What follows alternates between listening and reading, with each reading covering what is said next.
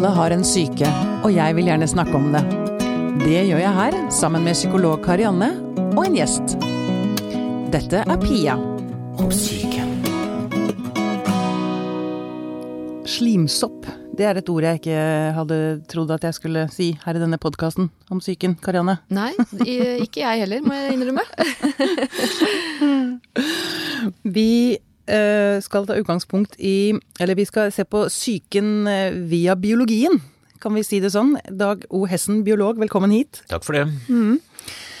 For eh, det er jo litt biologi i psyken òg, kan man kanskje si? Ja, ikke bare litt, ganske mye vil jeg si. Altså, Psyken er jo biologi strengt tatt. Ja. Den påvirkes selvfølgelig av ytre omstendigheter, men, eh, men veldig mye koker jo ned til eh, responser i hjernen, som jeg vil si er biologi, skråstrek psykologi. Ikke sant? Du har eh, eh, nettopp kommet med en bok som heter Vi samarbeid fra celle til samfunn. Og eh, mitt første spørsmål er eh, du, Altså, du vi, denne boken, Med denne boken så ønsker du å fortelle oss at vi er bedre enn vi tror. Egentlig at menneskeheten er faktisk ikke så grusom som vi ser på VGs forside hver dag. Nei, Arbeidstittelen min var 'Menneske bedre enn sitt rykte', uten spørsmålstegn, men en kategorisk påstand. Eh, og, men det henger jo all, uh, sammen med hvor godt eller dårlig rykte vi har, og det er klart uh, det er god grunn til å mene ha en misantropisk syn på mennesker på mange måter. I hvert fall får man det gjennom medier og aviser og, eh, og de daglige nyhetsoppdateringene, som stort sett peker i negativ retning. Eh, men eh, sånn er det jo ikke. altså i Dagliglivet for de fleste er jo dominert av positive ting. I hvert fall for oss som er så heldige at vi vokser opp i et land som dette. Mm. Men også globalt, altså nesten hvor som helst, så er mennesker stort sett eh, ok med hverandre, i hvert fall de som er innenfor et vi. Eh, Og grunnen til at det er sånn, kan vi jo komme tilbake til, men, men mennesket er jo en, et sosialt dyr. altså Det kunne jo ikke vært uten at vi hadde empati og stilte opp for hverandre og hadde et betydelig talent for de gode sidene også. Jeg har lyst til å begynne på et litt annet sted. Det, det er akkurat dette med media, det har jeg nemlig lurt på. For jeg har ofte Ja. reagert på måten de vinkler forskningsrapporter eller sånn. ikke sant? Det er sånne overskrifter som så mange mennesker er eh, jødehatere. Så mange mennesker er muslim, muslimfiendtlige. Og så, eh, altså, vi Si at det er 20% som er fiendtlige, da. De kunne vinkla det til 80 digge muslimer. Mm. Ja visst.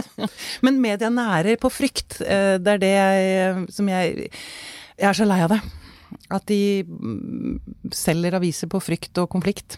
Ja, det er kanskje fordi det er det som faktisk er nyhetene, ikke sant. Det, Normalsituasjonen er eh, egentlig det motsatte, men det er ikke noen nyheter, det er ikke noe å skrive om. Det er nok det ene. Det andre er som Daniel, Daniel Kahneman skriver innsiktsfullt om, altså at eh, vi er på en måte evolusjonert også orientert mot, eh, mot det negative, fordi det er der risikoen ligger. Det er der risikoen ligger. Ja, Mm. så vi må være mer obs på det, og dette er antagelig en sånn psykologisk trigger som mediene ubevisst, eh, ja bevisst også vet å benytte seg av. Og det er ganske viktig, tror jeg, fordi hvis fortellingen om oss da blir den at eh, ja, så og så mange snyter på skatten, eller så og så mange ja, ta metoo-kampanjen osv., så, videre, så skaper det jo inntrykk av at eh, det store flertallet, eller normaliteten, er ofte negativ.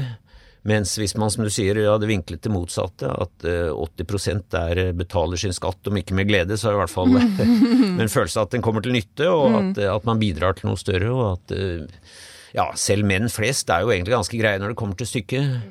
Um, og at eh, voldelige episoder, overgrep, alt dette er eh, Vel, det er jo forferdelig når det skjer, og det skjer selvfølgelig altfor ofte. Og spesielt da i krigssituasjoner, men uh, normaltilstanden er ikke sånn. Nei. Eh, og det, blir, altså, det er jo en annen viktig poeng med å skrive en sånn bok, at måten vi betrakter oss selv blir litt sånn selvoppfyllende. ikke sant? Hvis vi tenker at ok, det normale er at alle snyter på skatten, hvorfor skal ikke jeg gjøre det? Eh, eller i og for seg at det naturlige for mennesket er spisse albuer og være voldelig, så jeg lever liksom bare opp til min natur.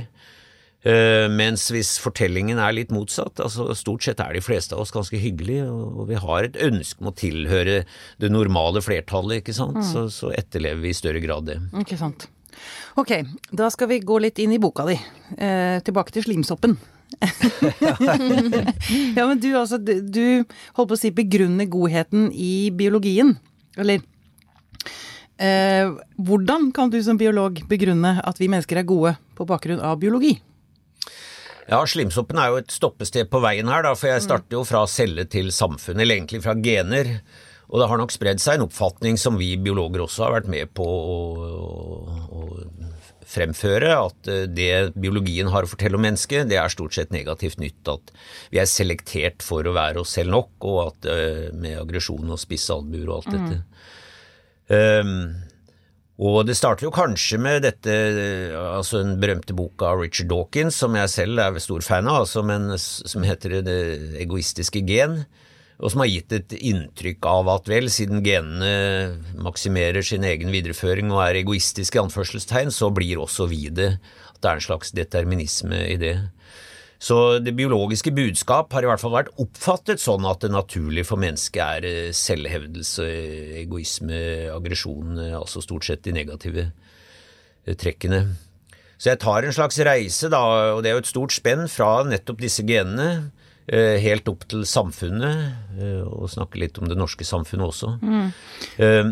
For genet må jo samarbeide, ikke sant. Mm. Det skriver jo også Dawkins veldig godt om at uh, uten at gener samarbeider for å lage en funksjonell celle, så bryter det hele sammen. Cellene må samarbeide for å lage et funksjonelt individ. Individene må samarbeide for å skape et funksjonelt samfunn osv. Ikke sant. For dette med at man det, Dette var så fascinerende å lese om manetene, eller disse altså stimer med fisk eller fugler som flyr. Det er ingen som bestemmer, men allikevel så samarbeider de helt perfekt.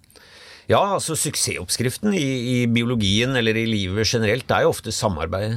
Eh, det er jo en grunn til at flercellede organismer har drevet til noe mer enn encelle. Mm. Eh, det er fordi at man kan utrette veldig mye mer hvis man går sammen og danner en kropp, rett og slett. Og på mm. samme måte så kan et samfunn utrette veldig mye mer enn eh, en enkeltindivider hver for seg. Men man skjønner ikke helt hvorfor. Sånn som slimsoppen, da, for å snakke om den, hvis jeg husker riktig nå. At, at man så at altså kulturene slimsoppkulturene samarbeider så bra sammen. Altså de, de, de finner veien. Uh, og det synes jeg er så fascinerende. Og dere skjønner ikke helt hvorfor? Eller hvordan, uten at det er noen som bestemmer, liksom? Ja, slimsoppene er fascinerende av mange grunner. Da. Så til tross for sitt eh, kanskje litt belastede navn, så er det en karismatisk eh, liten encelt organisme. Og de er sånn at når, de, når, det er nødstider, så søker de sammen og kan danne en koloni eh, eh til fellesskapets beste, så å si. Og mm. den er også denne, hva skal vi si eh, gruppeintelligensen ved at en eh, sånn koloni kan da sende ut sine utløpere for å sjekke ut hvor det er mat, hvor det er farer osv., og, så videre, og så bringe på en måte beskjeden tilbake til eh, gruppen, som tar en kollektiv avgjørelse.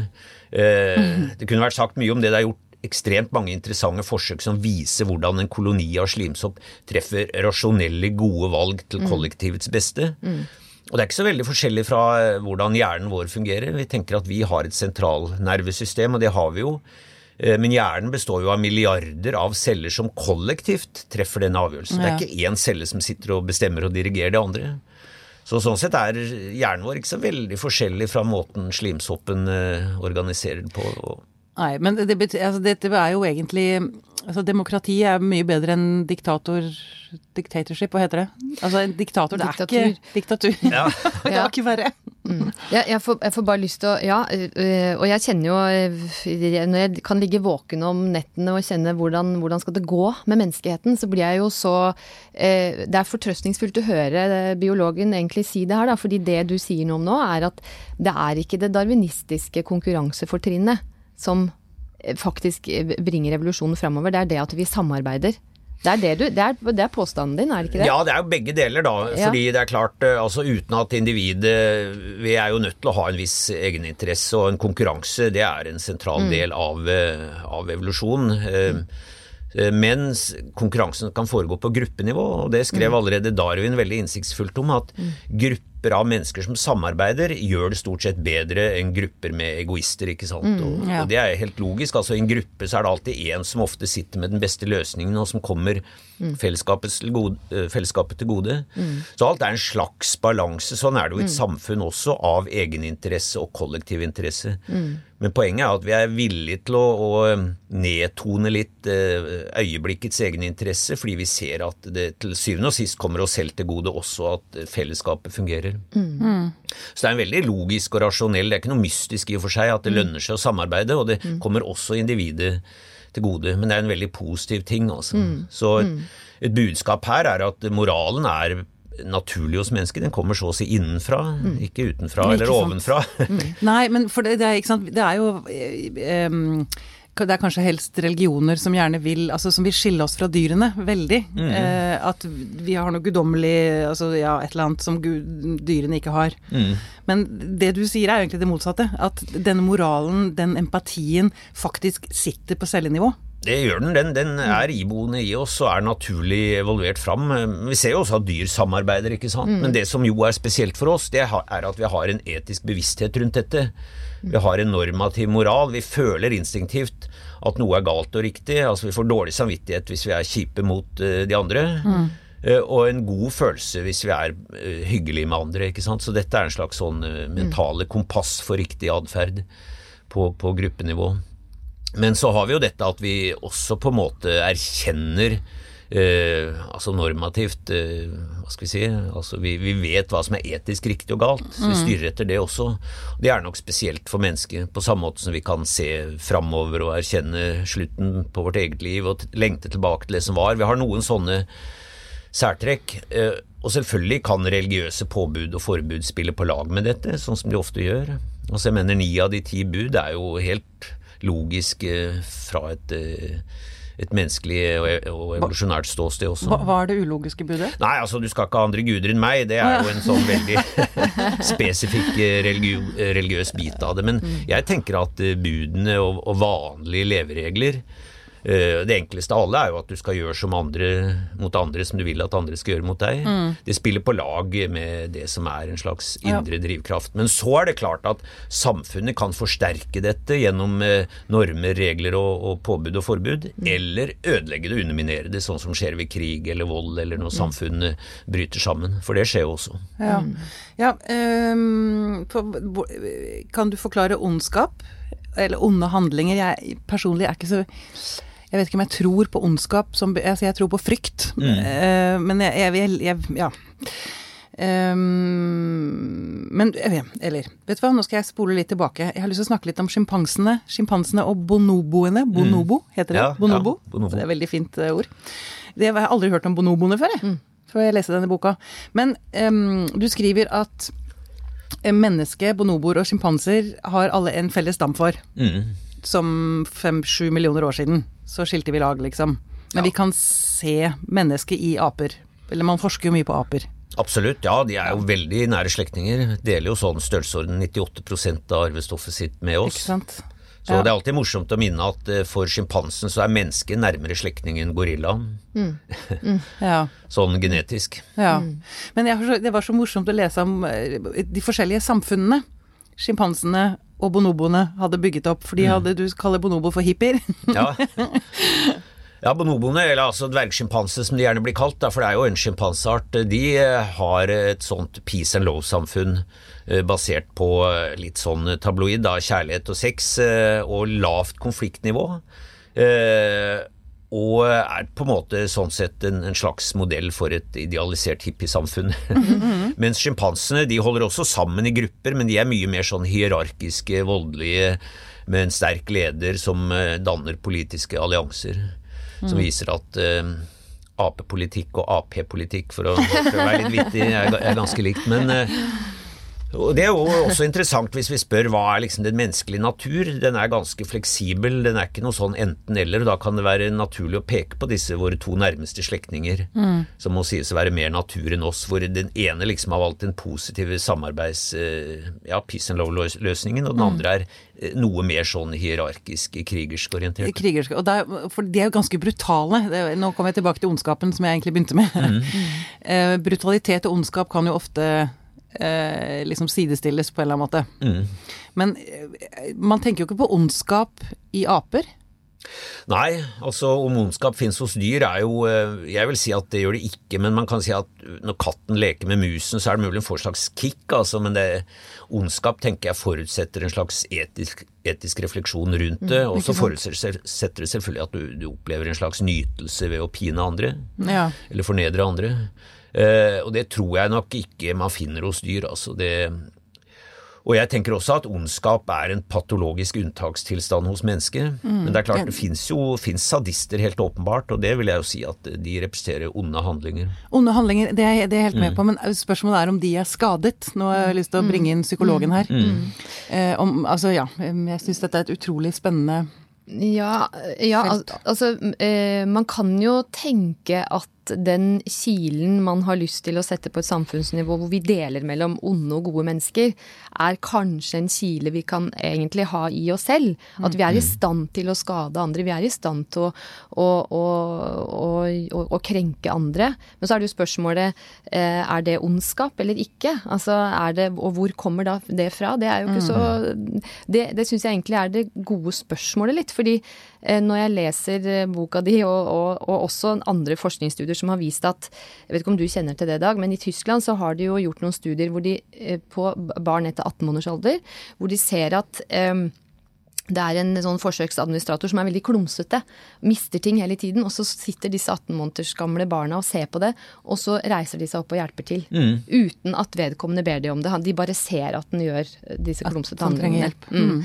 Og så har de jo sett det ned på seks måneders gamle babyer, f.eks., hvor de viser dokketeater, hvor de ser at det er én bamse som, gjør, som er veldig slem mot en annen, som er gul, og så er det en annen blå bamse som gjør veldig snille handlinger. Og så etterpå så skal de få lov til å velge hvilke bamse de vil ha, og da velger de konsekvent den bamsen som har gjort gode, gode handlinger i Ja. dette eksperimentet, da. Som jo er som kan være gode argumenter for akkurat det du sier noe om nå, sånn fra et psykologisk perspektiv. Men i det så kommer jo spørsmålet hvor kommer da ondskapen fra, av det som er onde handlinger, når vi kan tenke at vi er biologisk determinert nesten fra, Ja, fra å gjøre gode ting. Men jeg tenker at noe av det kan være Noe forklaring kan være på gruppenivå. Jeg tror at mye av det som man kan se litt sånn ondskap satt i system, da, som, eh, som nazisme f.eks., eller, eller ISIS, eller altså da, da skjer det noe på et gruppenivå. Som kanskje ikke nødvendigvis eh, kan forklare hvorfor den enkelte personen gjør det. Det er det jo mange Som forklaringer på. kanskje ikke reflekterer menneskets eh, inn, innerste natur, Nei. liksom. Nei, jeg er veldig enig i det. Nei, jeg har Ja. sett akkurat de samme De Ja. ligger jo også ute på YouTube, noen Ja. av disse fra Max Planck-instituttet der. Det er ja, det er ganske fantastisk å se barn som er det er ukjente personer Ja. for de. De er eh, ikke sosialisert inn i dette, men likevel så er det helt åpenbart at de trer til. De, de skjønner situasjonen og trer til for å hjelpe. Samtidig så ser vi jo at barn kan være forferdelig grusomme med, med hverandre. De kan mobbe Ja. og plage hverandre. Sånn at allerede fra tidlig stadie så så ser vi at barn har begge Ja. talentene i seg, mens det gjerne har vært fokusert på at barn er eh, grusomme mot hverandre, mens dette viser jo også at empatien eh, er der så å si fra starten av. Ja. Ja, for jeg lurer også på hvor mye tilhørighet har å si her. For jeg tenker, ikke sant, Man ser jo det på fundamentalisme, at det er ofte det at man de føler at de ikke hører til noe sted, og så søker de seg mot ISIS, eller Ikke sant? Ja, mye av dette er jo antagelig Mobbing har vel med det å gjøre? Ja da, absolutt. Og eh, og så er det jo med personlighetstrekk, ikke Ja. sant. Vi har jo liksom hele skalaen blant oss, fra, fra de rene sosiopatene og psykopatene til eh, folk som eh, tar all verdens lidelse på sine skuldre og nesten knekker under. Av den grunn. Det kan bli for mye empati også. Men jeg tror du har rett i det at det er særlig på gruppenivå at disse patologiske tilstandene Uh, utspiller seg. Altså Jeg diskuterer jo en del denne litteraturen rundt uh, som det har vært skrevet og forsket veldig mye på. Altså Hva var det som fikk folk i konsentrasjonsleirer til å gjøre det de gjorde? Eh, Flertallet var nok, eh, hva skal vi si, feige, lydige ofre som gjorde det, kombinert med en autoritetsangst også. Det er mange interessante forsøk der som viser hva folk er villige til å gjøre hvis de blir bedt om det fra en autoritetsperson. Ja, nettopp. Igjen frykt. Ja, Mm. ja, frykt og en slags eh, litt sånn blind eh, tiltro til autoriteter. Eh, Så det er nok flertallet, men så hadde nok de som er, eh, ja, jeg vil si eh, hadde en slags glede av å pine andre. Og det å kjenne på hevntanker tror jeg er noe som ethvert menneske har gjort. Jeg kan jo si for min egen del at jeg har hatt situasjoner hvor jeg har tenkt at ah, det har vært deilig å virkelig knuse nesa på den fordragelige personen der. Så jeg, men det vil jeg ikke kalle ondskap. Altså. Nei, det jeg, jeg vil ikke like å pi, det- seigpine noen, men liksom å, å, å få hevn for et eller annet uh, nederlag, det tror jeg ligger dypt i oss. Ja. Altså. Ja. Men jeg, men jeg tror òg altså, altså Et av sosialpsykologiens mest berømte eksperimenter er vel dette Stanley Milgram-eksperimentet, som ønsket å undersøke hvordan, hvordan nettopp noen kunne gjøre de handlingene de gjorde under annen verdenskrig. Og noe av det, nå har vel det vist seg vanskelig å replikere, da, men, å, å gjøre igjen og få de samme funnene, men noe av det jeg tror som han viser som jeg syns er interessant, er at det, han fordi han, han, ber jo personer om å komme inn i et rom, og så de, får de beskjed om at de skal være med på et læringseksperiment. Og så får de beskjed om at den de skal lære, sitter i et annet rom som de ikke ser, og så skal de gi ti volt med støt for hver gang vedkommende mm. sier feil. Og jeg tror noe av det som eh, blir interessant der, er at vedkommende kommer jo ikke inn og, og blir bedt om å gi et dødelig støt med en gang. Den blir bedt om å gi ti volt. Mm. Mm. Og ti volt av gangen. Og det tror jeg og så hørte også, de hørte hvordan de, de andre reagerte. De hørte smerte De hørte smerte i det andre rommet, mm. og de hørte at vedkommende fikk vondt. Og det står også en knapp der, så står det liksom på slutt så står det 'dødelig'. Og allikevel så var det jo 65 eller noe ja. som valgte som å gi dødelig støt. Ja, og så kan man jo liksom ja, Apropos mm. dette med ondskap, da. Men jeg tror noe av det som kan forklare Det er mange ting som kan forklare det. men jeg tror det at vi er i stand til, og som du sier, å, å, være, å gjøre handlinger som, som, som, krenker. Men vi gir, gjør kanskje bare litt og litt om gangen. Mm. mm. Altså at, eh, og hvis man er inne i et mer sånn ideologisk system, så har man kanskje kommet inn ti volt av gangen. og plutselig så står man oppi det, og så er det gruppeprosessene som mm. får lov til å råde, da. Ja, gruppeprosessen tror jeg er ekstremt viktig, ja, det og det ser vi jo i alle sånne forferdelige overgrepssaker mm. med ja, Sør-Sudan, voldtekter, ja. det er flere steder, dette mm. rohingyaene, ikke sant. Mm. Det, det er når vi rykkes ut av normalsituasjonen, ja. og på en måte det, det, blir sånn gruppepress, gruppepsykologi, de mot mm. oss, så kan det lokke fram det verste i mennesket. Og det er jo viktig når man skriver en bok som jeg har gjort her, altså at uh, man ikke underslår menneskets uh, ja. grusomheter og negative mm. sider, og mm. talent for det også. Mm. Men det er liksom så åpen, åpenbart. ikke sant? Det mm. er det som er i nyhetene som vi snakka om, og det er jo det vi får øye på hele tiden.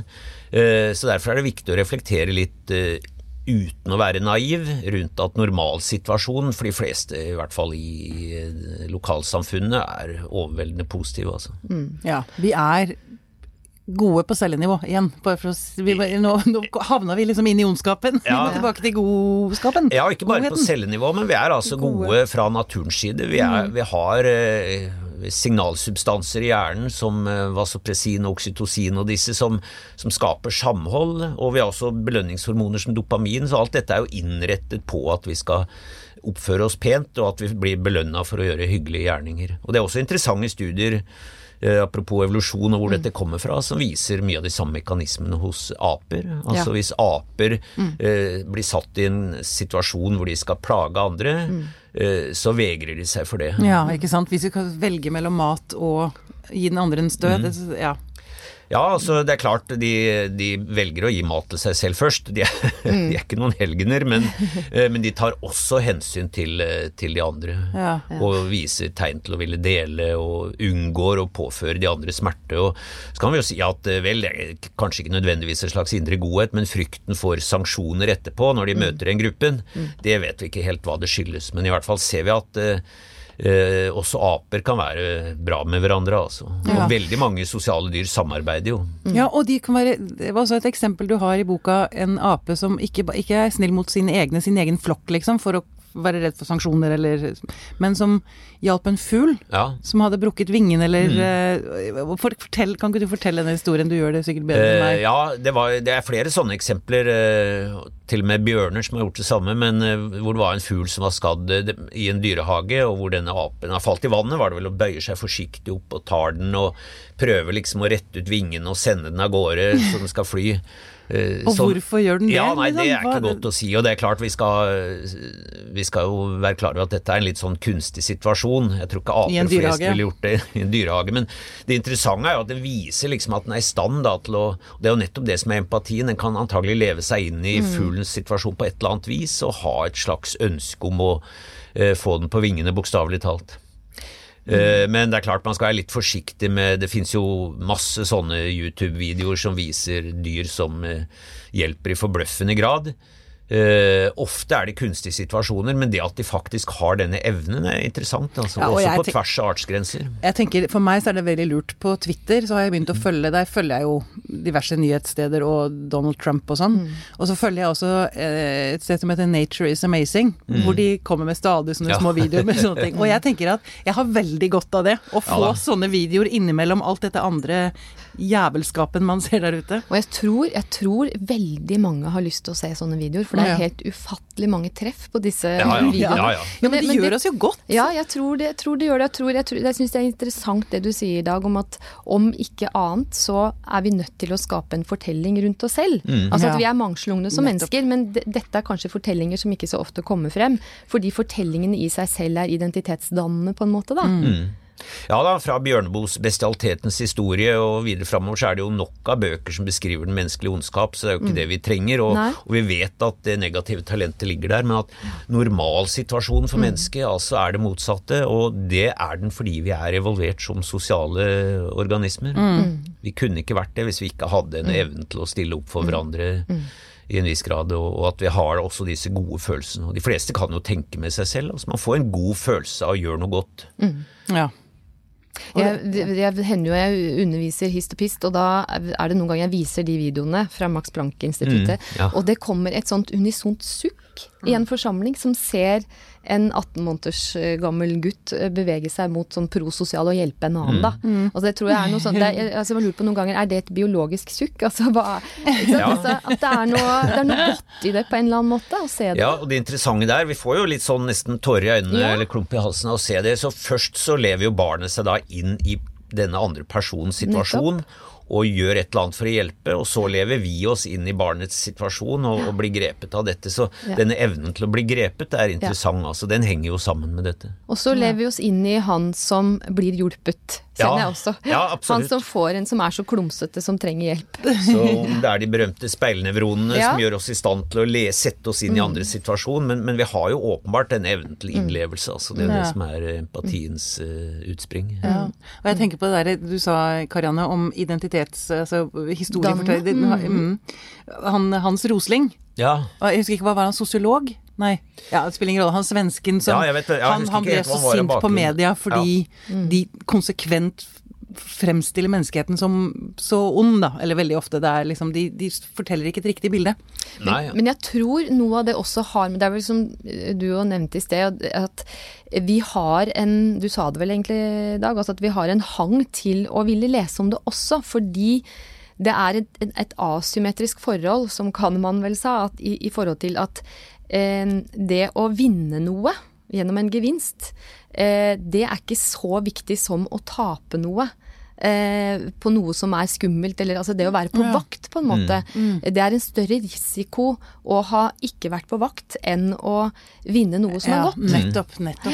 Nettopp. som gjør at du Ja. får en hang til, til sånne type nyheter og Ja, han skriver veldig innsiktsfullt Ja, om det, jeg tror det er helt riktig. Så det har jo også da en evolusjonær bakgrunn. Ja. Eh, Så veldig mye koker ned til Ja. hva vi er eh, evolvert for. Men samtidig har vi også denne trangen til positive nyheter, ikke sant. Så vi, Mm. le, vi slår opp eh, i, og ser eh, all miseren i aviser eller i nyhetene, og så Mm. trøster vi oss med noen kattevideoer eller sånne barnevideoer hvor de hjelper så vi, vi trenger jo det håpet. Men det er en interessant ting at på en måte er det litt sånn pessimistene som har tilranet seg Nettopp. dette stempelet som realister. Ja, som, ja, som sannhetsvitner. Ja. Sånn er det liksom. bare. Sånn er det, og så kan eh, noen svermere tenke at vi er bra og hyggelige, men det er litt sånn eh, new age-hippie-tankegang. Så det er viktig, tenker jeg, fra et faglig grunnlag eh, å argumentere for at eh, det er naturlig for mennesket eh, å være god også, og kanskje at den siden er det positive. Så og jeg tror for de fleste som tenker etter, så er det ikke noe vanskelig å se at vi stiller opp for hverandre i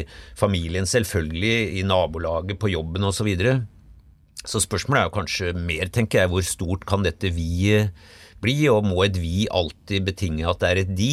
Altså at det er noen som ikke er innenfor? Ja, det lurer jeg på. Og har du svar på det, Dag? Fordi, Nei, jeg har ikke det. Liksom, hvor langt går vi-et? Altså, hvor, fordi man ser vel at det er gjerne artsfrenden og de nærmeste en, en er eh, varmest for.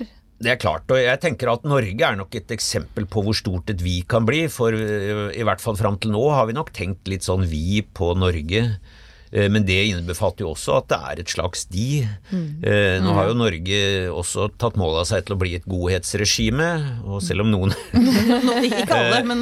Noen Nei, nei, nei, men, eh, nei og igjen skal man ikke være naiv med hva et godhetsregime kan utrette, og det kan jo ha et element av avlat ved seg, men jeg tenker i utgangspunktet er det en god ambisjon eh, for en nasjon å ha, og det er i og for seg en god eh, ambisjon for individer å ha, at man vil utrette noe godt. Det syns jeg virkelig ikke man skal, skal være imot. Men Eh, vi har jo evnen til å mobilisere oss når vi ser lidende barn særlig, da, men også lidende mennesker eh, i andre verdensdeler, eller- eller dyr for den del, så mobiliserer det jo en umiddelbar empati. Særlig hvis vi ser det, da, for vi er jo et eh, visuelt dyr, så vi, vi mobiliseres mer av syn enn, enn å høre om det. Men det er klart, vår, eh, empatien vår kan vekkes på kryss og tvers både av landegrenser og artsgrenser. Så sånn sett er det, det store vi-et nesten endeløst. Men det er klart, i dagliglivet så er det klart, eh, og det er ikke, så, det er ikke noe å skamme seg over det kanskje, at vi, vi har mest omsorg for de nærmeste. Nei. Men du, jeg, mm, tenker du, eller dere, vi kan vel ikke finne alle svarene i biologien. Jeg bare, det er én setning du skrev som eh, Jeg er jo så 100 følelsesstyrt, men du skrev at trær har ikke følelser. Mm.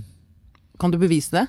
Nei, det er en lang diskusjon. Det er kommet flere bøker nå som hevder at trær kan føle. Altså Det spørs, tror jeg, hva man definerer følelser som. Trær har ikke nervesystem, men de kan jo kommunisere i betydelig grad, både gjennom luft og signaler og røtter. så så trærne er mer avansert enn en vi gjerne har tenkt. Ja. Men jeg vil nok si at eh, følelser har de ikke. Altså At trær kan lide, har- det tror jeg bare ikke på. Men, eh, men det betyr jo ikke at vi ikke skal ta hensyn til Nei. vegetasjon av den grunn. Men eh, det er viktig som du sier, altså poenget mitt er at dette starter med biologien, og, det tror jeg er viktig å fortelle at det er naturlig også å være god. Eh, men så kommer jo selvfølgelig kulturelle ting inn da, og i betydelig grad kan forsterke eller motvirke dette. Så kulturelle normer er ekstremt viktig her. Så hvis det blir for så vidt en slags eh, god følelse i et nabolag eller på arbeidsplassen i en familie, så forsterker det denne positive tendensen. Eh, men vi kan også se det motsatte, i, i, særlig i samfunn hvor det er eh, eh, kanskje litt dårlig utgangspunkt, så kan det fort skru seg andre veien, og det desintegrerer, og det blir våre negative trekk som, som kommer opp. Så det er veldig viktig å få fram, selv for meg som biolog, altså at biologien forklarer ikke alt, men den gir altså et utgangspunkt, og, og den forteller at eh, det er naturlig også å være god. Ja, men det er noe med å se det store i det lille. Det bitte lille øh, og det store Altså det, det, det er, det er liksom når man begynner å se på universet og oppbygging av atomer og altså det, det, er noe med at det stemmer, liksom. Alt Systemet henger sammen, alt og det går an, og går an å finne en rød tråd. Det er veldig lett å finne en rød tråd fra atomene til universet, og jeg tenker sant? også at det er en klar rød tråd fra egentlig cellenivå eller gennivå eh, til, eh, til eh, i hvert fall nasjonalt, kanskje globalt nivå. Mm. Altså EU for eksempel har jo vært en sånn konstellasjon hvor, eh, som kanskje har bidratt til at tidligere krigerske Europa nå har hatt fred Mm. i 60 år. Det er jo nesten mirakuløst i seg selv. Um, så man kan ha sånne, og FN i og for seg, at man har sånne konstellasjoner på overnasjonalt nivå også, som virker stabiliserende, og som eh, får fram samarbeid. Så, men er du Så du Eller, det er, dumt, det er feil formulert spørsmål. Eh, Du er en optimist på jordens, på klodens vegne, også når det gjelder på klimaendringer og Eh, nei, det vil jeg nok ikke uten videre si. Altså, jeg, er en, jeg er en optimist. Jeg er en, en filantropisk innstilling. Jeg har mer tro på mennesket. Altså, og jeg er personlig optimist i den forstand at jeg ser alltid et halvfullt glass og ikke et, ikke et halvtomt. Mm. jeg har skrevet eh, ofte om det negative mennesket i forhold til hva, vi, hva slags fotavtrykk vi har på planeten. Og så har jeg avsluttet ofte med 'men vi er bedre enn vi tror på mange andre områder'. I denne boka er det litt motsatt. Her er på en måte Det store budskapet har vært at vi er positive men, eh, og, og, og snille og greie og bedre enn vi tror, men eh, at eh, det er et men her, og det er altså at vi er for kortsiktige. Så jeg er ikke veldig optimist når det gjelder planetens framtid. Eh, Ikke i den forstand at eh, ting vil gå under, og sånne begreper som at vi står på kanten av stup eller global kollaps, det er dårlige metaforer. Mm. Men at eh, ting vil bli vanskelig både for menneskeheten og planeten som sådan, det er det ingen tvil om, altså. Og det står vi allerede midt oppi. Så eh, jeg vil ikke framstå som en sånn naiv optimist. Eh, Jeg er alltid irritert med å bli som fremfører et alvorlig budskap, og så liksom ta brodden av det hele etterpå og si at men vil det, gå, det vil gå bra. Og disse tingene henger jo sammen også, fordi klart hvis vi får en global forverring med klima og um, svære migrasjoner, altså sannsynligvis det vi har sett til nå av, av flyktningstrømmer er bare en mild bris i forhold til det som kan komme, Kan hvis de verste scenarioene slår til. Så vil jo det sette vår godhet på prøve.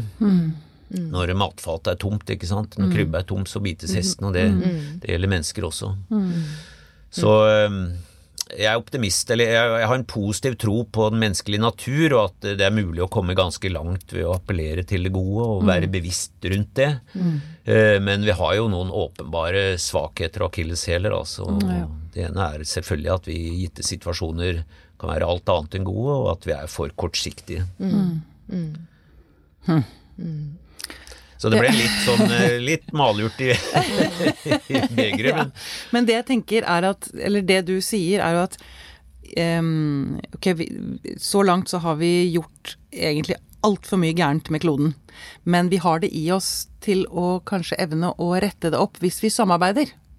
Bedre. Ja. på en, annen- altså, ja, nå prøver, jeg, nå prøver jeg å få en positiv spinn på slutten her. Ja, jo, men det er en god eh, det, er en, eh, det kan jeg skrive under på, altså. Og det er klart, det som vi vi, har det hvis vi vil.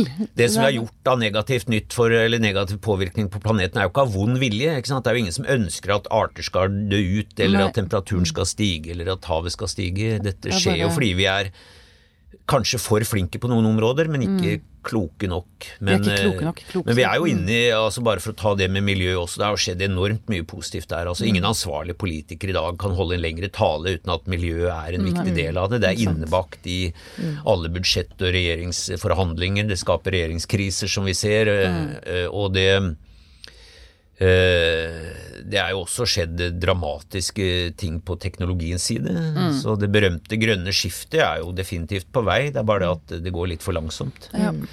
Så eh, nei da, det er absolutt positive ting som skjer på miljøfronten også. Det, Ja. Det kan jeg Ja. være med på. Men og der tenker jeg kanskje at dette med krise, altså rope alarm alarm, funker jo faktisk. Altså det, det er det som må til. Ja, av og til er det det. Det er en balanse hvor, eh, hvor mye man skal skrikke opp. Og jeg, jeg tror at uh, altså, dommedagsprofetier har aldri vært bra. Men jeg, det er også feil å ikke si fra. Når ting er alvorlig, så må man si fra. Og, og, men for noen virker det motiverende, for andre er det demotiverende. Så det er ikke noe sånn Ja. enkel fasit på hvordan man skal forholde seg til det. Nei, Karianne. Nei, altså jeg, jeg er helt enig. Man må si fra på en realistisk måte som du gjør nå. For hvis, man, hvis man skaper for mye frykt, så kan vi bli lammet også. Altså, Ja da. Å gi følelsen av at ingenting nytter, Ja, det er litt ja. eh, konstruktivt. ja. Men uh, veldig enig i det du sa. altså Samarbeid her på alle nivå er jo nøkkelen. Og, mm. altså, for å ta det mest åpenbare, at nasjonene samarbeider i, for å få til klimaavtaler, eh, er jo hele nøkkelen her. Se til slimsoppen. Lær å slimsoppe, ja. faktisk. ja. Og kattevideoer på YouTube. Er det det? Eller vår indre bonobo. ikke sant? Ja, ja. Veldig bra. Dag O. Hessen, tusen takk for at du kom til oss. Takk for at jeg fikk komme.